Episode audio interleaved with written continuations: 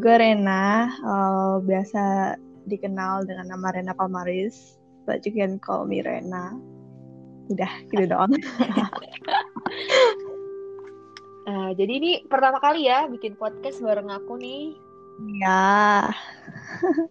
jadi by the way, yang belum tahu, Ren ini adalah yang suka makeup makeup gitu, cuman dia tuh lebih, hmm. kalau menurut gue lebih apa ya? Lebih ada maknanya dibanding gue. ya, stylenya beda lah, Ci. Stylenya beda, iya. Iya. Ya. Hmm. Nah, jadi tuh gini, Ren.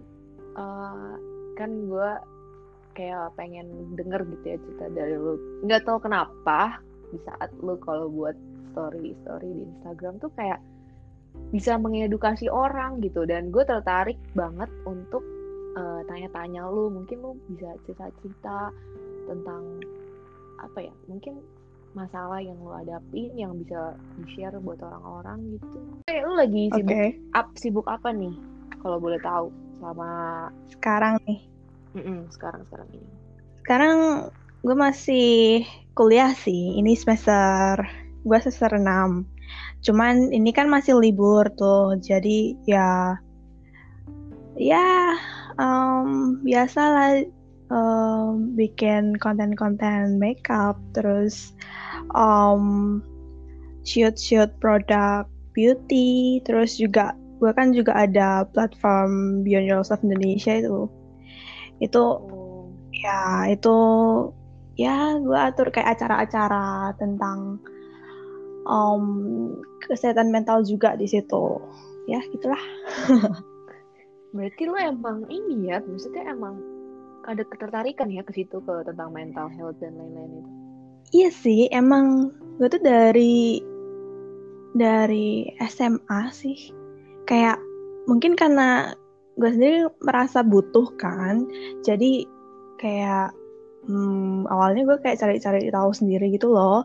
Terus lama-lama ya tambah tambah tertarik gitu. Terus um, one day gue tuh pengen bikin platform kayak gitu kan. Tapi lebih ke arah yang kayak kasih fasilitas ke uh, tempat-tempat belusukan gitu loh ke kayak ke daerah-daerah gitu. Tapi uh, waktu itu tuh gue kayak belum dapet orang yang pas gitu loh. Tapi terus one day kayak dikenalin gitu loh kayak pas banget uh, dikenalin sama guru gue ada kayak kenalannya dia gitu dia pingin bikin platform Beyond Yourself Indonesia itu. Terus awalnya gue bantuin di kontennya bantuin kayak uh, big, uh, engage sama audiensnya terus lama-lama ya udah karena sevisi semisi gitu kan terus akhirnya gue jadi co-founder dari sana.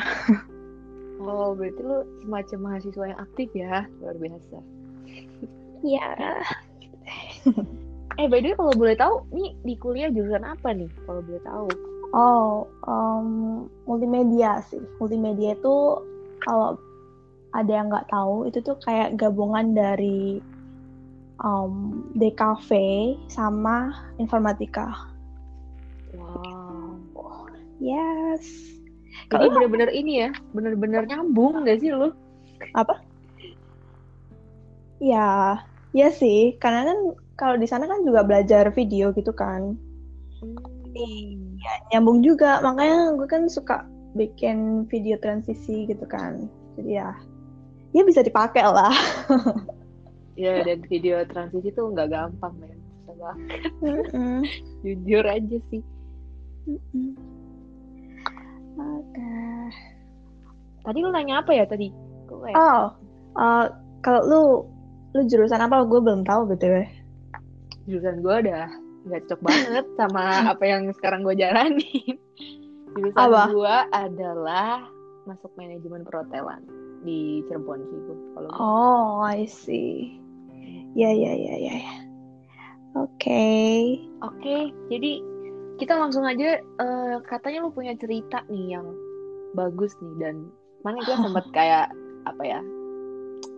Curcol. Curcol, curcol dulu ya kayak. Biar gak canggung-canggung amat gitu kan.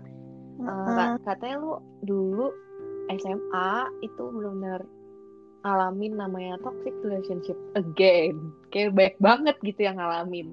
Dan, dan lu Iya. bener-bener bisa apa ya survive akan itu dan mungkin keluar dari lingkungan itu. Nah mungkin boleh diceritain nih buat teman-teman yang dengerin podcast gue bisa Hmm, langsung cerita aja. Oke, kayaknya kalau soal toxic relationship banyak banget yang ngalamin ya, tapi kayak tipenya tuh beda-beda. Nah, kalau gua itu emang eh apa ya, dulu tuh gua dari nggak tahu deh umur berapa, pokoknya dulu dulu tuh gua kayak nggak ngerasa pantas buat disukain orang gitu loh. Gua selalu minder, terus gua nggak pernah ngerasa cantik lah apalah gitu. Pokoknya uh, self esteem gue tuh low banget gitu loh. Terus uh, suatu saat uh, waktu gue SMA itu tiba-tiba kan ada yang suka tuh sama gue kan. Um, nah itu itu Eh. itu suka sukanya kayak gimana tuh maksudnya udah mulai chattingan atau mungkin deketin beneran deketin lo di publik gitu atau gimana tuh oh my god. Uh, Oke ini gue agak expose diri gue sendiri sih. Cuman um, apa ya? Biasalah kalau kita pertama masuk SMA itu kan pasti kayak uh, biasalah cewek-cewek pasti kan kayak ngelihat uh, siapa nih yang lumayan cowok-cowoknya gitu kan. oh iya iya Ya ya ya. nah, Iya, bisa, eh, bisa. sebenarnya gue uh, nggak terlalu tipe cewek yang kayak gitu. Cuman karena uh, teman-teman gue kayak gitu pasti gue nimbrung gitu kan. Nah, uh, salah satu cowoknya ini ada satu cowok gitulah. Nah, ternyata uh, cowok yang dibahas sama teman-teman gue ini ti- tiba-tiba kayak uh, deketin gue gitu loh. Kayak awalnya tuh kayak uh, yang ngajak ngomong doang kan satu, satu kelas gitu kan, ngajak ngomong gitu. oh Uh, terus pokoknya kayak uh, deketin gue gitu. Uh, awalnya gimana ya? Awalnya tuh kan gue nggak tahu, tapi terus lama-lama itu karena gue kan kayak merasa apa ya sendirian gitu loh, maksudnya uh, merasa jadi outsider gitu. Nah, karena gue dulu itu merasa uh, apa ya uh, nggak pede kayak gitu. nggak pede terus uh, minder terus kayak uh, ngerasa jadi outcast gitulah waktu dulu itu. Nah karena terus ini orang tuh kayak nemenin gua terus terus waktu gua lagi sendiri terus ditemenin. Jadi kan merasa kayak apa ya merasa kayak ada satu kekosongan yang di yang diisi Oh. sama dia eh, gitu kan Ah. Nah, jadi di situ gue merasa kayak oh eh, apa ya merasa kayak value gue tuh lebih ada gitu loh kayak awalnya gue yang sebelumnya itu merasa eh diri gue tuh nggak terlalu bervalue gitu setelah ada orang yang ngisi dan tanda kutip ngisi kekosongan itu jadi kayak merasanya oh gue nih ternyata precious juga loh buat orang lain kayak gitu loh Nah, lalu uh, karena gue merasa kayak gitu, jadinya uh, apa ya? Tanpa sadar gue itu kayak uh, menyandarkan, menyandarkan uh, keberhargaan diri gue itu ke rasa sayangnya orang itu gitu loh, ngerti nggak? Jadi karena gue merasa oke, nih apa? Uh, nih orang suka nih sama gue terus uh, peduli juga, terus kayak uh, apa ya ya gue merasa ada orang yang peduli dan sayang sama gue padahal sebenarnya tanpa sadar dalam diri gue tuh guanya sendiri tuh belum sayang sama diri gue gitu loh. Jadi karena self love nya belum ada jadi aku uh, apa ya mengandalkan dia untuk merasa di merasa pantas untuk disayang gitu loh ngerti nggak? Nah Oke. Kan- karena gue terlalu mengandalkan dia. Oh, iya jadi pasti kan ada kayak sedikit ketergantungan gitu kan. Nah gue tuh dulu sebenarnya kayak eh, biasa kan kalau misalnya kita pacaran tuh pasti kayak lu milih pa- lu milih pacar lu atau teman? gitu soalnya kan ada tuh maksudnya ada kan eh, tipe orang yang kayak ya udah lu kalau misalkan pacaran sama gua ya lu sama gua aja ngapain pergi perginya sama temen lu kayak gitu loh. Nah gua itu sebenarnya dulu itu masih mau membagi waktu gitu loh masih mau oke okay, gue sama temen gue sekarang sama teman-teman gue nanti kalau udah uh, udah nggak sama teman gue terus barulah kasih waktu buat uh, mantan gue gitu kan. Nah tapi lama-lama itu uh, apa ya mantan gue tuh pengennya gue sama dia terus gitu loh. Ya udah kan terus karena gue ngerasa takut kehilangan karena tadi balik lagi gue udah terlanjur uh, apa ya gue merasa berharga kalau ada, ada dia. Ya, uh, ada kalau ada dia, dia ada dia yang suka sama gue gitu kan. Karena gue takut. Ya udah akhirnya gue ikutin kan. Maksudnya ya udahlah gue sama gue sama lo uh, istirahat sama lo gitu. Jadinya kan tambah tambah apa ya tambah gue tambah distant uh, gue tambah jauh sama sama teman-teman gue tambah ke, ke ketergantungan lagi gitu loh. Jadi kayak awalnya yang karena awalnya yang karena uh, mengandalkan dia karena sebelumnya merasa nggak pantas disayangin terus tambah ketergantungan lagi karena gue semakin jauh sama teman-teman gue karena dia mintanya gue sama dia terus gitu loh. Ya udah kayak gitu. Terus sampai sebenarnya tuh kan gue itu uh, dulu tuh deket sama uh, guru-guru terus uh, pokoknya uh, guru-guru tuh selalu kayak bilang soalnya sebenarnya aduh gimana ya um, guru-guru gue tuh selalu kayak nitipin mantan gue tuh mau nitipin mantan gue gitu loh. Jadi kayak ayo diajak belajar ya gitu. Terus kan gue jadinya kayak merasanya tuh oh gue tuh punya tanggung jawab ini gitu loh. Terus I see I see, I see. ya jadi kayak satu sisi uh, uh, karena gue merasa diri gue lebih berharga setelah dapat rasa sayang dari nih orang. Di sisi lain uh, gue juga jadi merasa apa ya uh, harus melakukan tanggung jawab yang dikasih kok sama orang-orang gitu loh. Jadi uh, karena orang-orang tuh kayak bolak-balik kayak nitipin mantan gue gitu loh. Kayak ayo nih anak diajak belajar ya ayo ayo nih anak diajak ini ya gitu loh. Jadi apa ya mungkin karena aku juga uh, dulu itu susah buat nolak sesuatu gitu loh. Jadi kayak aku merasanya ya aku harus bantu nih anak kayak gitu loh. Nah jadi apa ya banyak banget hal yang bikin aku tuh uh, jadi terikat banget. Walaupun lama kelamaan aku merasa ini orang nih udah hubungan ini udah lumayan toksik nih. Soalnya kayak kan eh, lama-lama jadi posesif gitu kan hubungannya uh, sama dia ini. Jadi um, apa ya um, misal nggak balas chat gitu. Misal nggak balas chat gitu terus kayak uh, jadi suatu permasalahan yang besar kayak gitu. Padahal kan ya kita nggak um, selalu lihat notif gitu kan.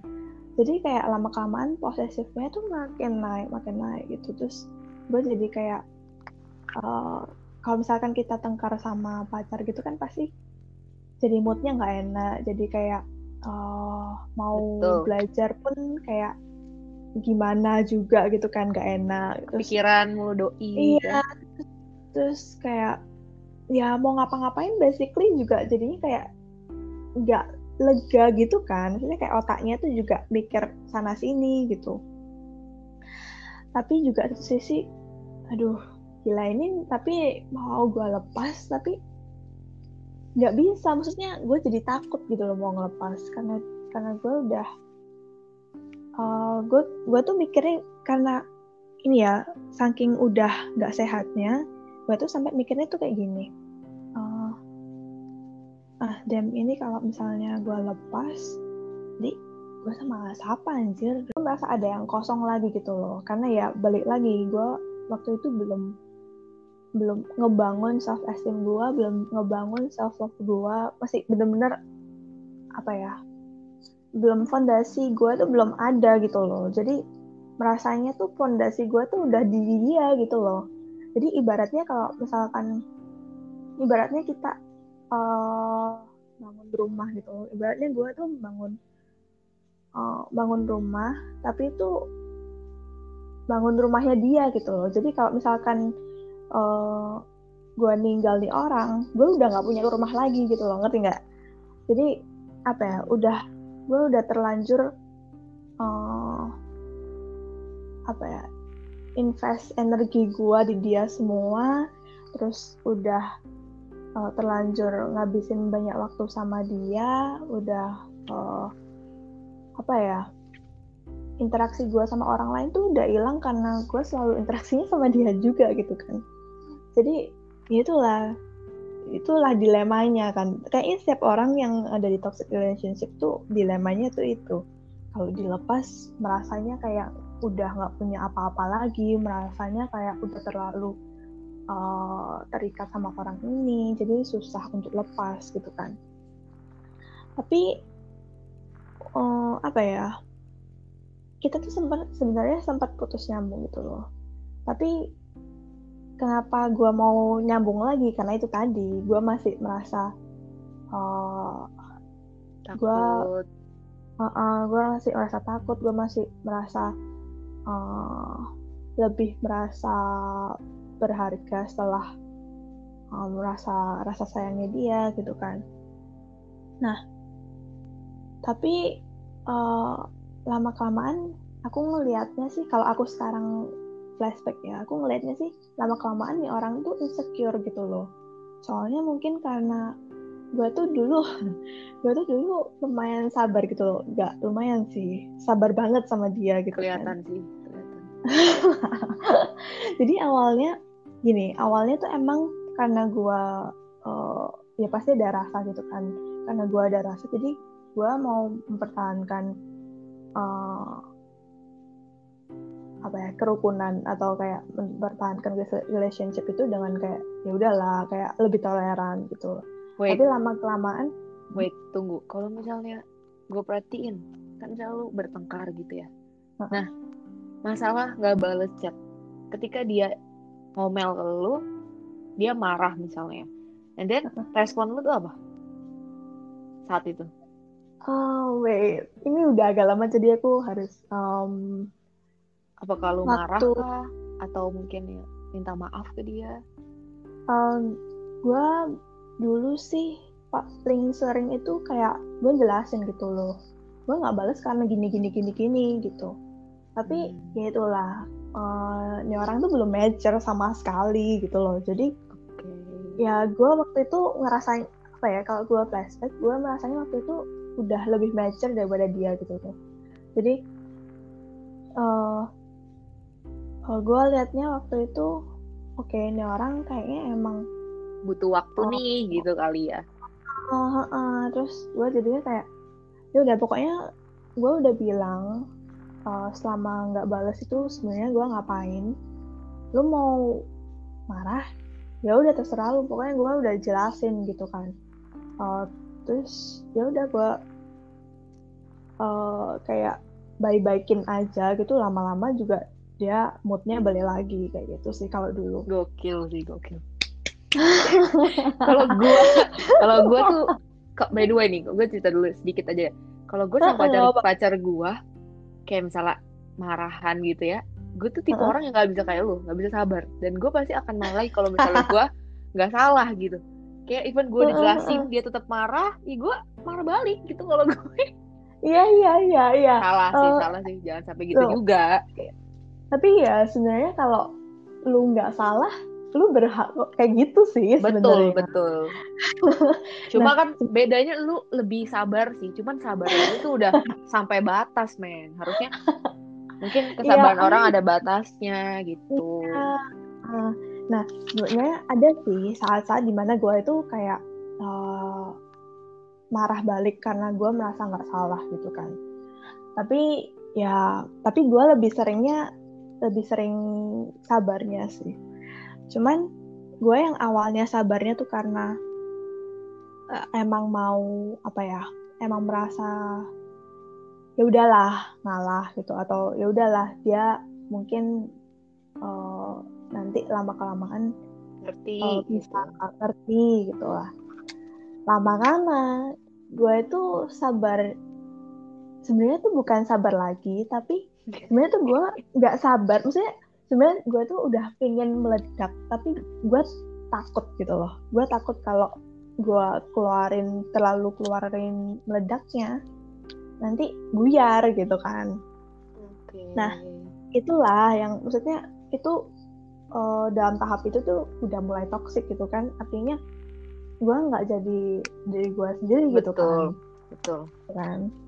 Kan tadi kan gue bilang dia mulai insecure. Nah hmm. dia itu gue tuh lupa persisnya apa tapi dia tuh kayak bolak-balik bilang uh, kayak dia kayak udah mau putus aja gitu. Tapi kayak for no reason gitu loh. Kayak gue nggak ngelihat ada permasalahan yang bisa membuat kita putus gitu loh. Tapi dia kayak mengarah ke ya, situ aku mengarah ke situ gitu ya? Tapi okay. nggak itu masalahnya tuh kayak ngajak putusnya tuh aneh gitu loh Cik. Maksudnya kayak kita lagi nggak ngapa-ngapain, maksudnya kayak lagi biasa-biasa aja. Mm -hmm. uh -uh.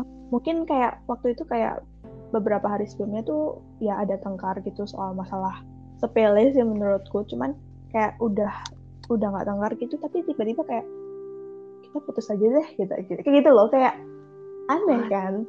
Iya terus kayak uh, apa ya? Kalau gue sih ngeliat lagi ke belakang tuh gue merasanya mungkin Niana waktu itu udah mulai insecure gitu loh. Karena kenapa gue bisa bilang kayak gitu? Soalnya setelah kayak uh, bolak-balik putus nyambung itu dia pernah kayak bilang kalau dia itu uh, kalau gue itu terlalu baik buat dia gitu terlalu bagus buat dia gitu. Oh my god. Itu udah kayak alasan yang biasa banget gitu. Umum banget. Lu terlalu baik kan? buat gue. Lu terlalu ini itu kita putus aja. No wait wait. Tapi tapi waktu itu gue tuh udah uh, udah di state of mind yang udah mulai nyadar gitu loh. Oh, gue iya, iya. udah mulai hmm. nyadar kalau ya emang sebenarnya dia itu udah terlalu toksik buat gue gitu loh. Jadi jadinya waktu itu kocaknya waktu itu reaksi gue tuh gini lu baru nyadar sekarang nih gitu. Oh iya iya iya iya.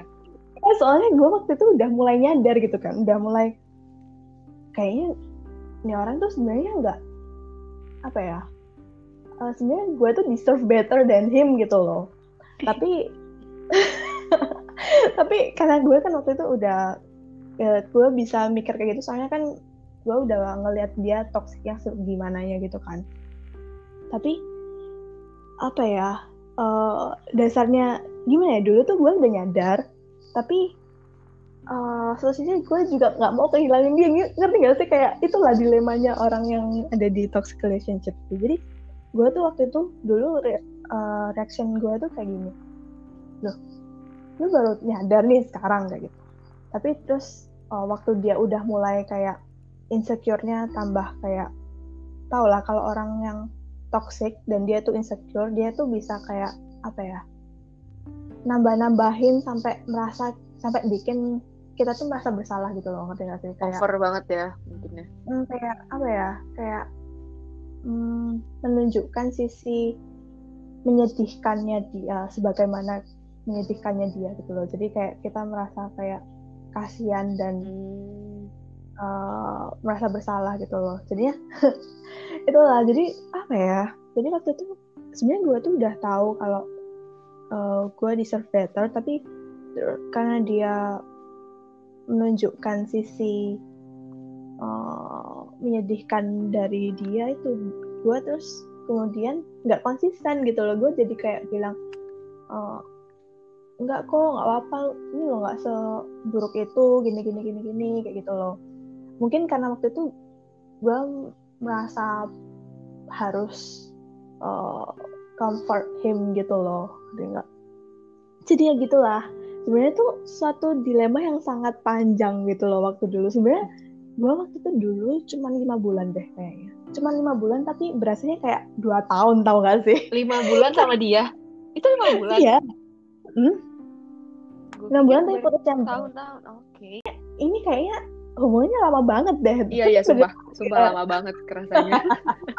Tapi apa apa ya dalam kurung waktu lima tahun itu banyak hal yang terjadi gitu loh banyak hmm. banyak konflik yang terjadi banyak uh, uh, itu makanya gue bilang lima lima bulan tapi berasanya kayak dua tahun gitu.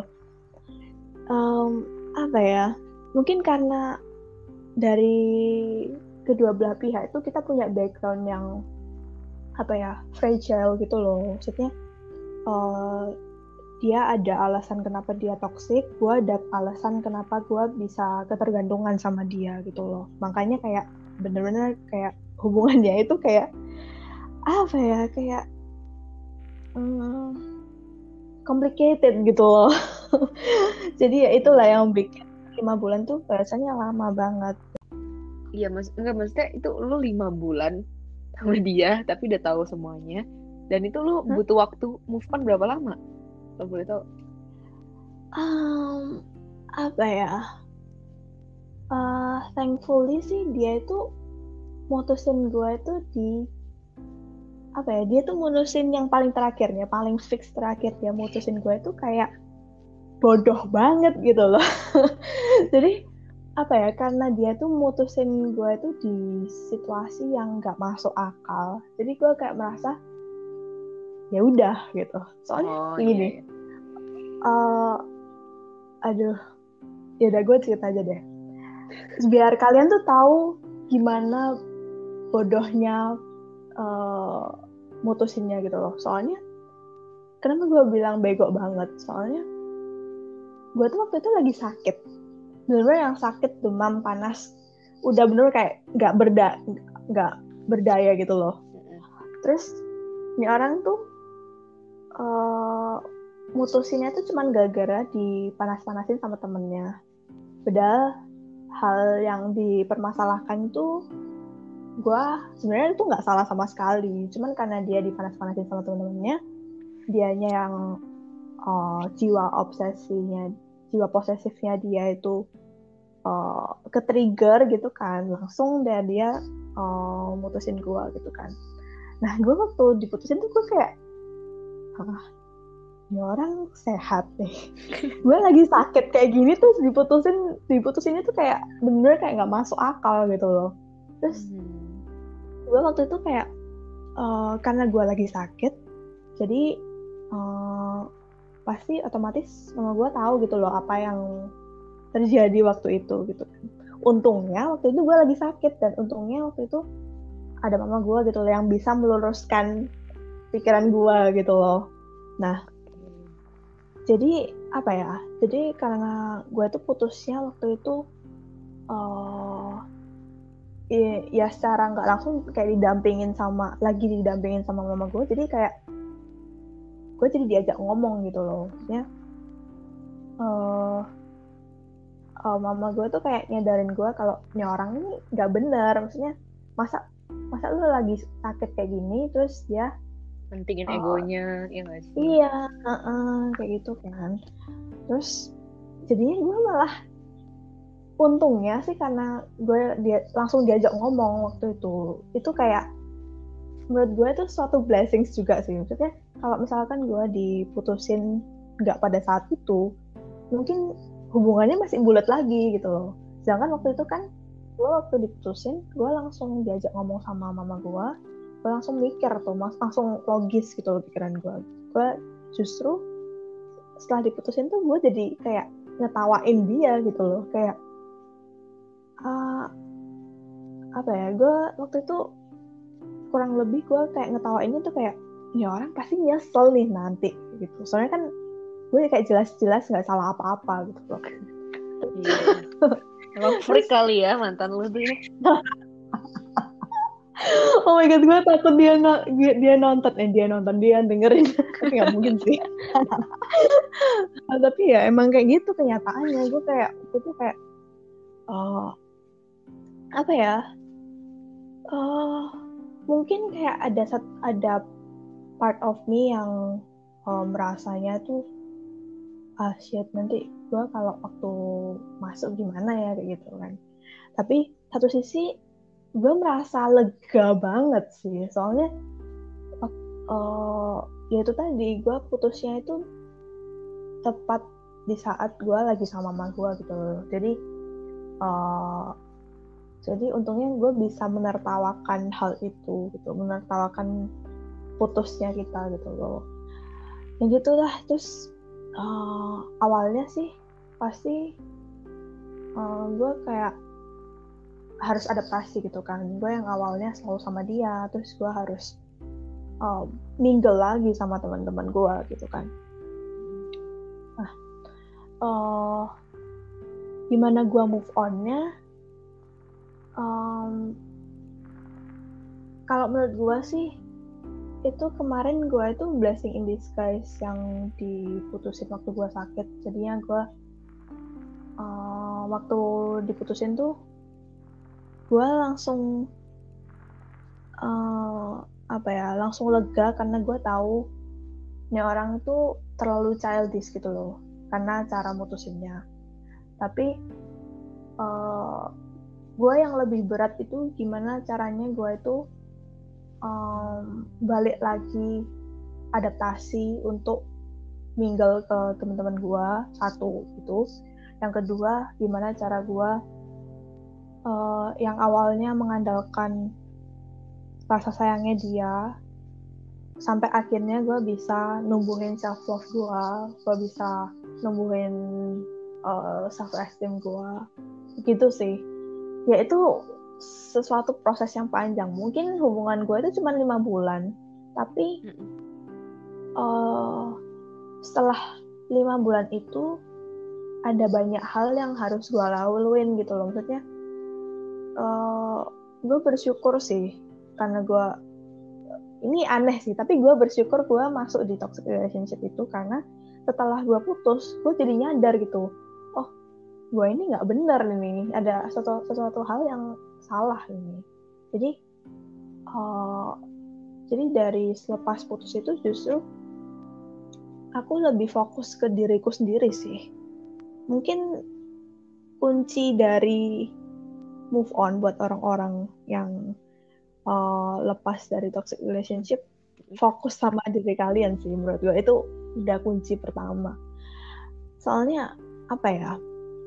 Uh, ya dari cerita tadi kalian udah bisa belajar lah. Sebenarnya uh, kalau kita terjebak di toxic relationship itu sebenarnya ada yang salah dari dalam diri kita gitu loh. Jadi gak dianya doang yang salah berarti kita juga ini harus dibenerin gitu ya? Mm -mm, mm -mm. nah sebenarnya sih uh, apa ya permasalahannya setiap orang beda-beda sih ya. Tapi kalau kita belajar dari permasalahannya gue gue itu dulunya itu nggak punya self love gitu loh. Jadi uh, apa ya waktu dulu gue lebih ke arah kayak um, mempelajari diri gue dulu sih gitu sih pertama. Kayak oke okay, gue nih kelebihannya apa sih kekurangannya apa sih kayak gitu loh. Terus ya belajar nerima gitu lah nerima. Terus lama-lama kayak numbuhin self love gue kayak gitu loh.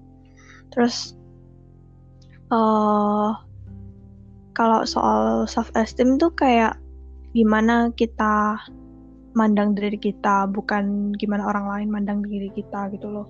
Jadi ya sebenarnya tuh kuncinya kayak kita kita memperkenalkan mem mengenali diri kita dulu gitu loh itu sih. Jadi ibaratnya setelah putus tuh kayak bener-bener kayak oh bahkan ya ini fun fact sih. Sebenarnya unnecessary sih. Cuman kayak aku merasa butuh aja waktu itu karena gue merasa belum benar-benar kenal diri gue gue waktu itu sampai ambil tes kepribadian kayak kan banyak tuh kayak MBTI terus macam-macam pokoknya kayak bahkan kayak uh, kan ada tuh kayak buku-buku yang bahas tentang kepribadiannya orang-orang dengan golongan darah yang berbeda terus gitulah macam-macam itu gue baca semua terus gue kayak kumpulin gitu. Terus uh, ya itulah banyak kayak refleksi berefleksi diri kayak gitu-gitu sih. Jadi kayak lebih ke fokus ke diri gue sendiri sih uh, cara gue move on itu kayak gitu mungkin ini sih uh, kalau lu sih nggak pernah tah ngal ngalamin kayak gini? Ngalamin apa dulu nih kan konteksnya ada dua. Uh, toxic sama si self love kalau gue toxic, toxic uh, ya. dua-dua huh? toxic itu gue kayaknya mungkin mungkin ada ya di setiap hubungan pasti ada. Cuman gue mungkin gak nyadar dan uh, pacaran gue itu nggak yang bener-bener ya baru sekarang. Kalau waktu oh, SMA SMA gue nggak sama sekali nggak punya pacar. Ya kan. Hmm. apa yang penting sekarang sih SMP oh. gue pernah punya pacar tapi pacarannya nggak sampai bener-bener kayak ketemu tiap hari gitu. Dan itu kan beda kelas banget. Ya SMA gue SMP ini pacarannya cuma kayak chat-chatan nah cinta monyet. Nah cuman kayaknya nih Ren kayaknya gue yang ngetoksikin dia seriously wow. Mungkin kayak waktu SMP iya jadi mungkin guanya kayak nggak bukan sedewasa lu sih. Itu mungkin SMA ya. Gue nggak tahu lah ya. Mungkin ke apa ya terbelakang gue kan beda-beda. Cuma kalau hmm. gue sendiri kayak lebih ke suka yang marah-marahin dia. Tapi dia itu kayak baik-baik terus ke gue gitu loh. Nah itu gara-gara itu. Sampai udah titik di mana udah nih kita putus aja kok. Selalu terlalu baik buat gue gue gue yang bilang gitu dong. Pokoknya pokoknya intinya gue tuh bener-bener dulu toxic banget sama cowok-cowok. Gue ngerasa kasihan lah bla bla bla bla. Nah itu gue takutnya kena karma kan. Untungnya sih sekarang enggak sih. Kalau yeah sama cowok yang sekarang uh, gimana ya? Mungkin kayak baru pertama kali pacaran yang the real pacaran ketemu tiap hari di kampus. Terus juga mm. gimana ya? Udah mulai sama-sama dewasa. Jadi guanya dibimbing terus sih. Even guanya kadang masih yang childish. Nah kalau gue yang childish di sini posisinya. Tapi ya mm. cowok gue ngasih tahu terus. Mungkin caranya emang orang beda-beda ya. Terus juga berantem sih sering banget. Bukan hal yang itu sih. Tapi berantemnya kita itu diakhirin dengan ngobrol bareng. Dan akhirnya oke okay, lu maunya gimana? Gue maunya gimana? Jadi kita sama-sama nyari solusi gitu, iya iya. gitu. itu itu yang bagus sih. Soalnya kan komunikasinya kan yang perlu sebenarnya di relationship. Hmm, sebenarnya ini sih kalau misalnya lu di uh, toxic relationship itu menurut gua sih kalau menurut gua lo itu move onnya itu bukan apa ya move onnya itu bukan dari orangnya tapi dari traumanya kalau gue bilang. Oh jadi perlakuan dia ke elunya yang iya takut kayak terus. Uh, takut nanti uh, kalau gue pacaran lagi nanti ini juga nggak ya gitu loh. Jadi bukan kalau uh, aku nggak tahu sih kalau orang lain. Kalau gue lebih ke arah itu sih. Kayak gue bukan uh, susah move on dari orangnya tapi susah untuk apa ya percaya sama orang baru. Takutnya gitulah takutnya nanti kayak gini lagi gitu. Lebih kayak trauma gitu sih. Gitu uh, apa ya gue tuh sampai mikirnya tuh gini gue nggak mau uh, pacaran kalau gue nggak yakin orangnya itu dewasa gitu loh. Soalnya kan gue dulu merasanya ini orang tuh nggak dewasa gitu loh.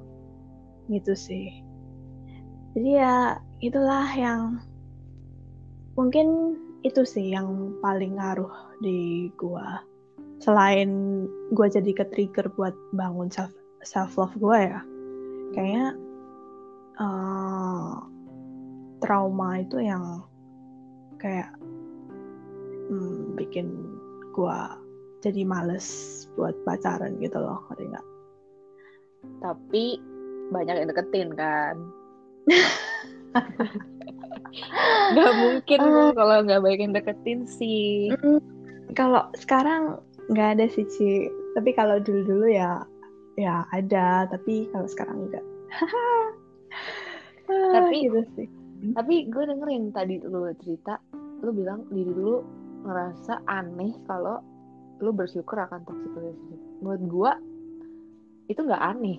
Menurut gue itu malah kayak gimana ya lu udah dikasih apa ya pengalaman seperti itu biar nanti nanti nantinya nggak akan terjadi lagi benar nggak sih?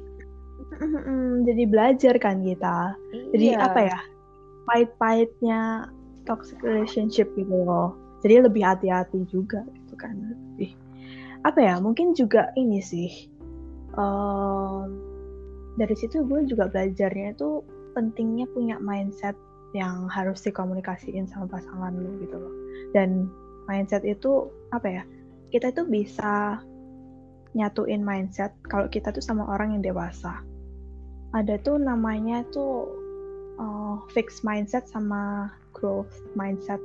Kalau misalnya orang orang itu dewasa enough, dia tuh bakalan uh, punya apa ya mindsetnya dia tuh mindsetnya dia tuh nggak fix gitu loh. Kalau misalnya orang itu uh, close minded dan nggak mature itu Mm-mm. dia tuh kalau misalnya punya mindset A ya udah dia nggak mau nerima yang lainnya gitu loh tapi kalau kita sama orang yang cukup dewasa kita kita mau uh, ngasih suatu mindset yang baru dia pasti kayak mau apa ya diajak komunikasi dan mau nyatuin mindset buat dalam relationship itu gitu loh nah itulah yang aku bikin aku tuh apa ya nahan diri buat bukan nahan diri sih apa ya lebih ke arah eh, jangan dulu deh kalau cowoknya ini belum mature kayak gitu loh.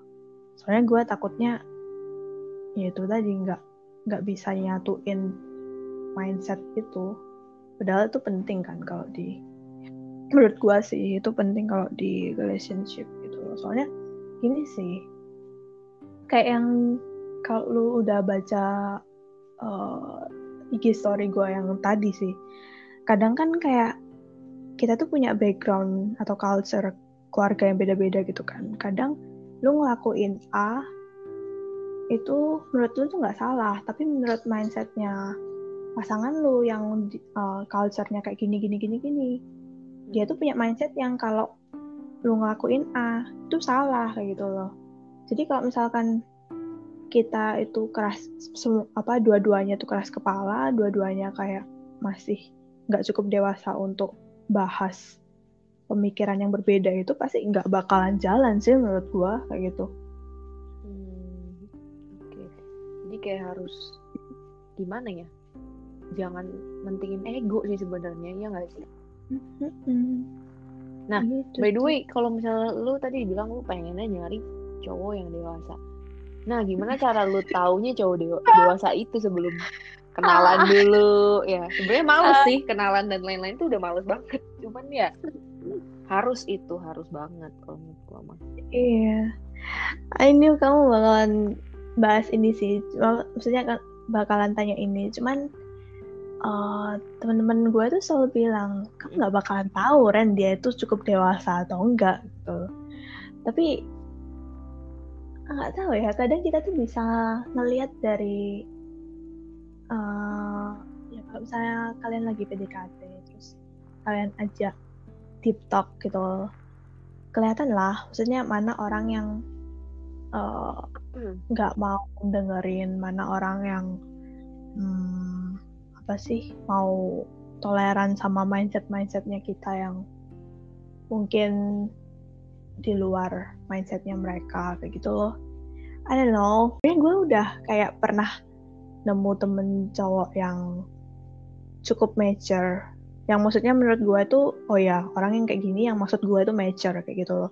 Oke. Tapi- ya bukan bukan jalannya cuy. Maksudnya gue cuman maksudnya maksud maksud gue eh, gue udah tahu mana sih tipe-tipe orang yang cukup mature menurut gue gitu loh. Ya itu balik lagi ke kita sih. Kita kan masing-masing punya perspektifnya masing-masing untuk nilai itu gitu sih menurut gue Oke.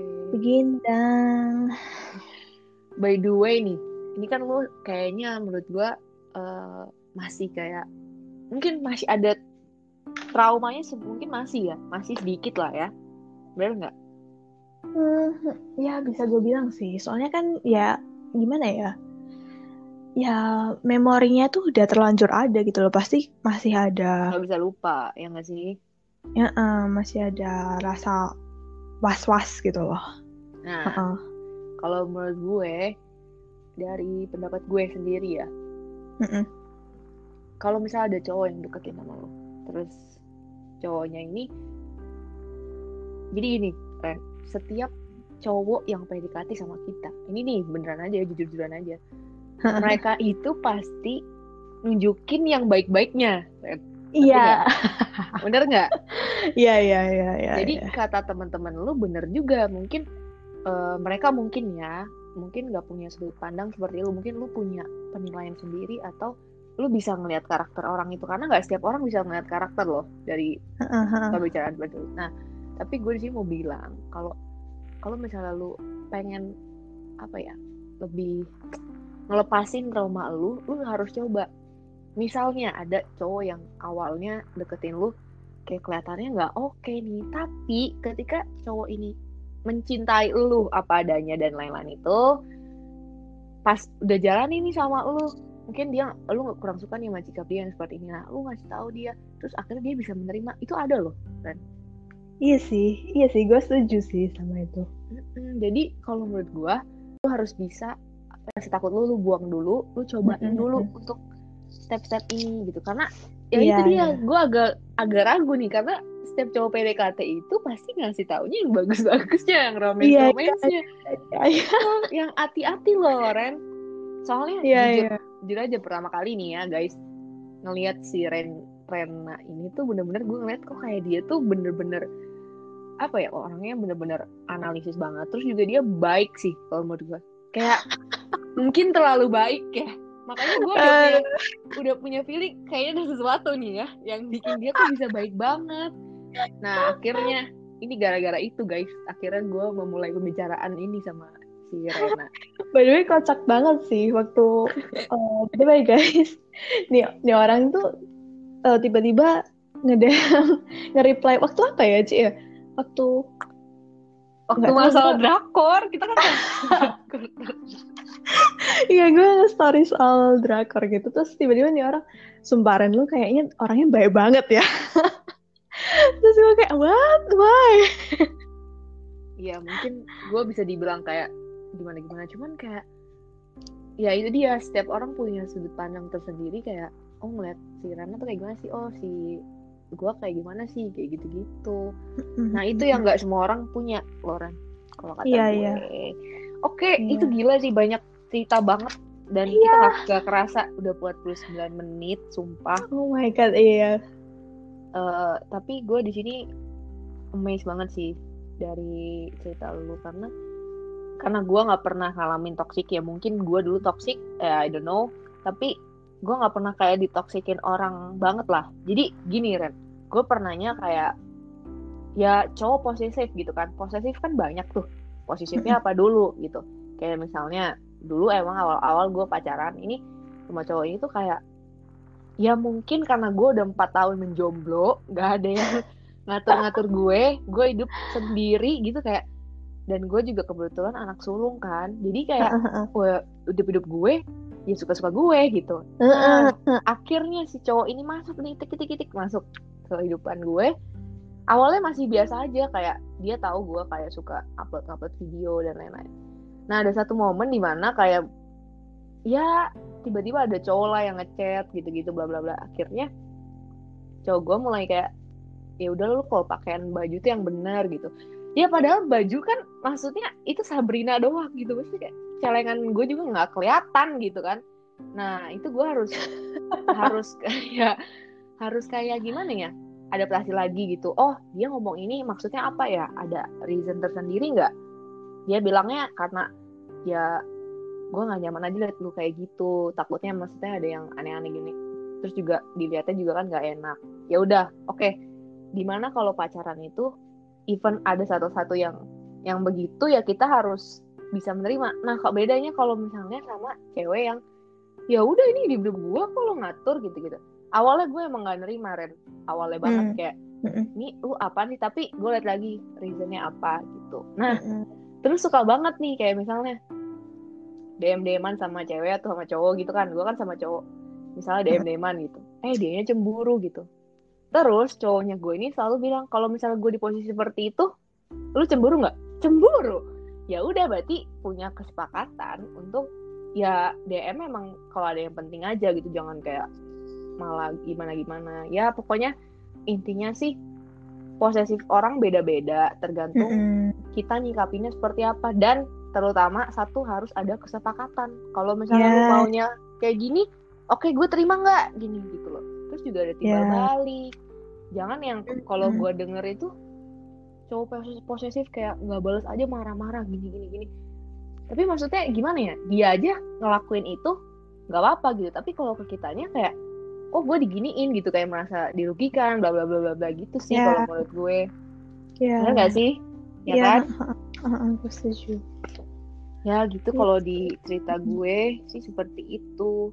Tapi gue di sini yang tertarik kayak itu dan kebanyakan cerita itu dari awalnya toxic relationship loh. Kalau lo mau tahu, teman-teman juga ada yang cerita juga kayak awalnya gara-gara itu dan akhirnya kok gue bisa nerima diri gue ya, kok gue bisa lebih cinta sama diri gue, gue lebih kenal dan lain-lain. Itu menurut gue bagus sih buat di share makanya gue bener-bener langsung kontak lu buat ayo yuk cepet ada yang suatu nih kalau misalnya ada yang bagus ceritanya bisa di share ke teman-teman Iya. juga lu nya juga oke Mm-mm. Mungkin karena ini sih, kalau lu habis keluar dari toxic relationship tuh, lu ngerasa apa ya?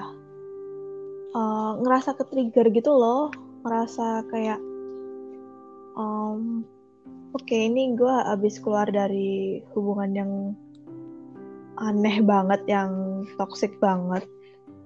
Gue kayak harus lebih fokus sama diri gue gitu loh. Jadinya malah lebih apa ya kalau misalnya kita nanggepinnya bagus sih maksudnya kita nanggepinnya positif sih itu bisa berguna juga buat kita karena kita kan jadi fokus sama diri kita jadi bisa ngembangin gitu loh kayak yang gue ceritain gitu tapi kalau boleh tahu lu misalnya ketemu lagi sama mantan lu lu biasa aja kan dan memaafkan dia kan biasa aja Iya. kayak. Iya gue bi- biasa banget maksudnya hmm. bahkan kayak ada kan orang-orang yang kayak habis putus terus kayak ngebuangin apa barang-barang yang dikasih lah apa.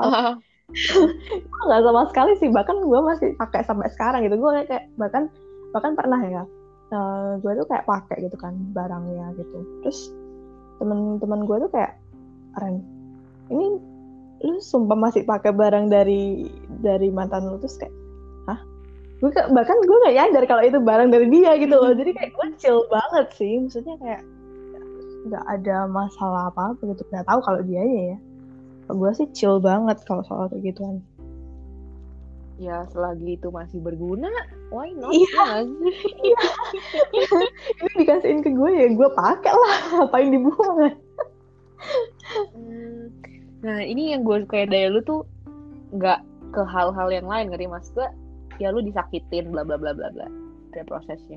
Tapi lu tuh nggak mencoba ke hal yang negatif gitu. Karena banyak anak-anak zaman sekarang cewek-cewek zaman sekarang malah kayak menyikapinya tuh nggak kayak lu gitu.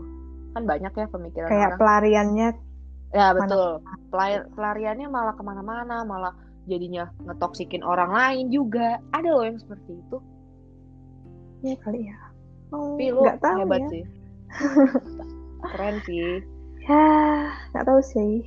Oh I don't know why. Kayak itu natural aja. Hmm. nah dari cerita-cerita lu yang tadi lu udah ceritain pasti kan ada nih orang yang ngalamin yang kayak lu atau misalnya Hmm. bisa keluar dari apa ya circle circle itu gitu. Nah Mm-mm. ada nggak sih pesan buat lu yang kan soalnya di sini gue udah lihat lu bener-bener udah kayak survive kalau kata gue udah kayak wah toxic relationship oke lah. Mungkin ada trauma dikit tapi lu bisa gitu loh eh, lewatin ini. Nah ada nggak sih kayak pesannya buat uh, teman-teman yang mungkin dengerin yang lagi ngalamin sama. Soalnya jujur aja banyak banget masalah toxic relationship itu banyak banget Ren. banyak banget gila. Gue gue juga kan sering kayak bahas topik-topik itu kan di, mm -hmm. di selalu deh kalau uh, gue tanya mau request apa toxic relationship dong. Gue gue gue curiga nih Ren. Mereka apa? tuh nanya-nanya gitu tapi mereka nggak mau lepas gitu. Why gitu? Kayak kadang iya gue juga. Iya gak sih? Ya itu lagi sih balik lagi. Pasti kalau toxic relationship tuh ada ketergantungan. Itu yang susah. Itu yang bikin susah lu lepas gitu.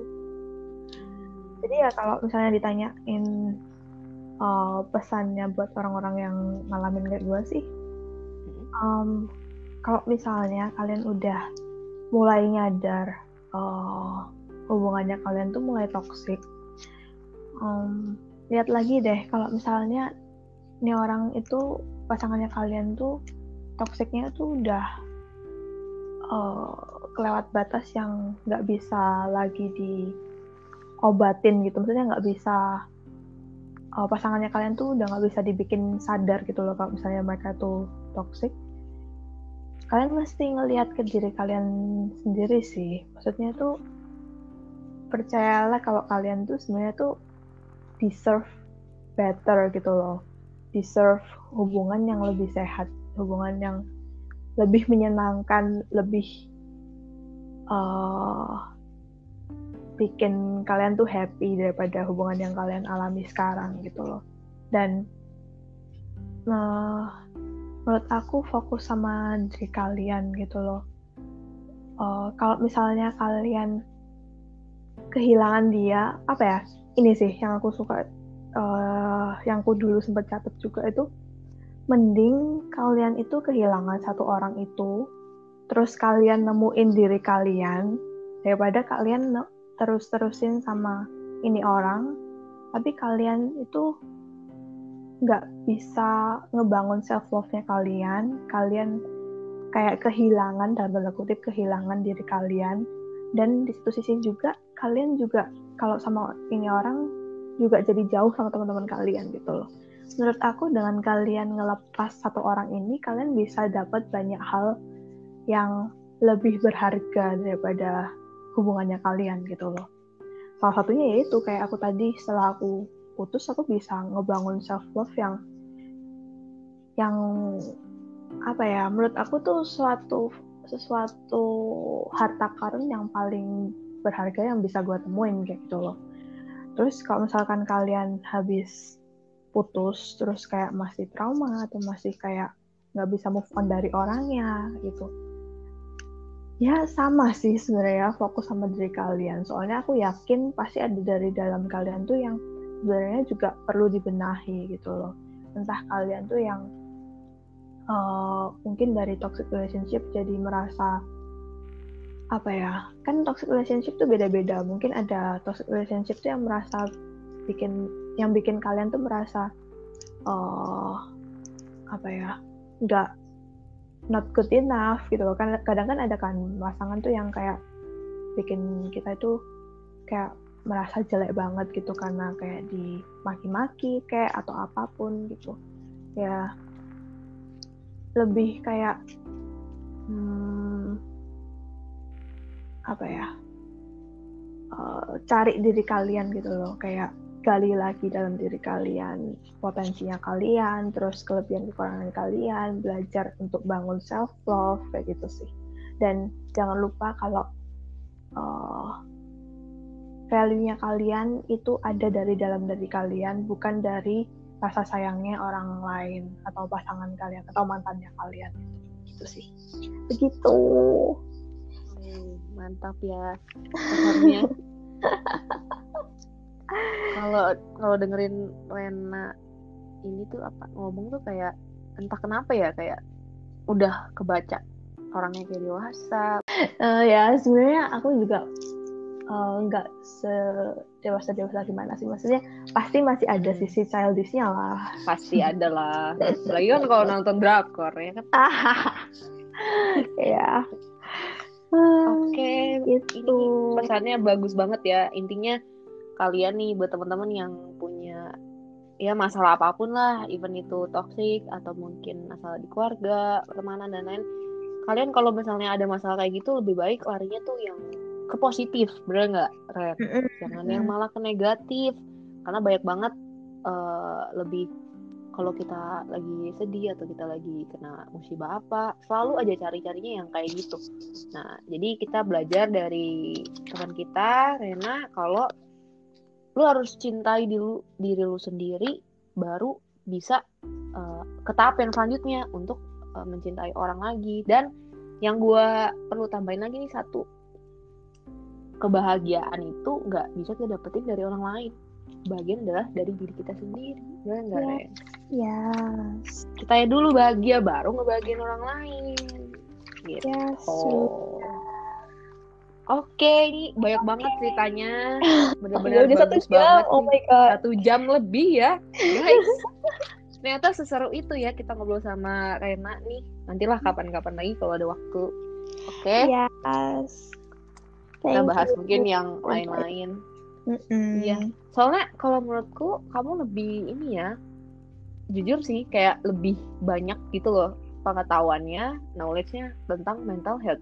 Sebenarnya kalau ke aku tuh kayak gue tuh kayak orang masih awam gitu cuman emang hmm. orangnya suka ngobrol-ngobrol gini untuk lebih tahu gitu nanti lah iya. kapan-kapan kita undang lagi Rena untuk cerita-cerita asik yes oke okay, okay. kalau gitu kita akhirin dulu ya udah satu jam sebenarnya pengen lagi sih cuman waktunya nggak cukup guys udah jam berapa iya ya udah thank you ya Rena so much. Semoga bermanfaat buat kalian yang dengerin. Semoga nggak bosan dengerinnya. iya. Oke, okay, bye-bye.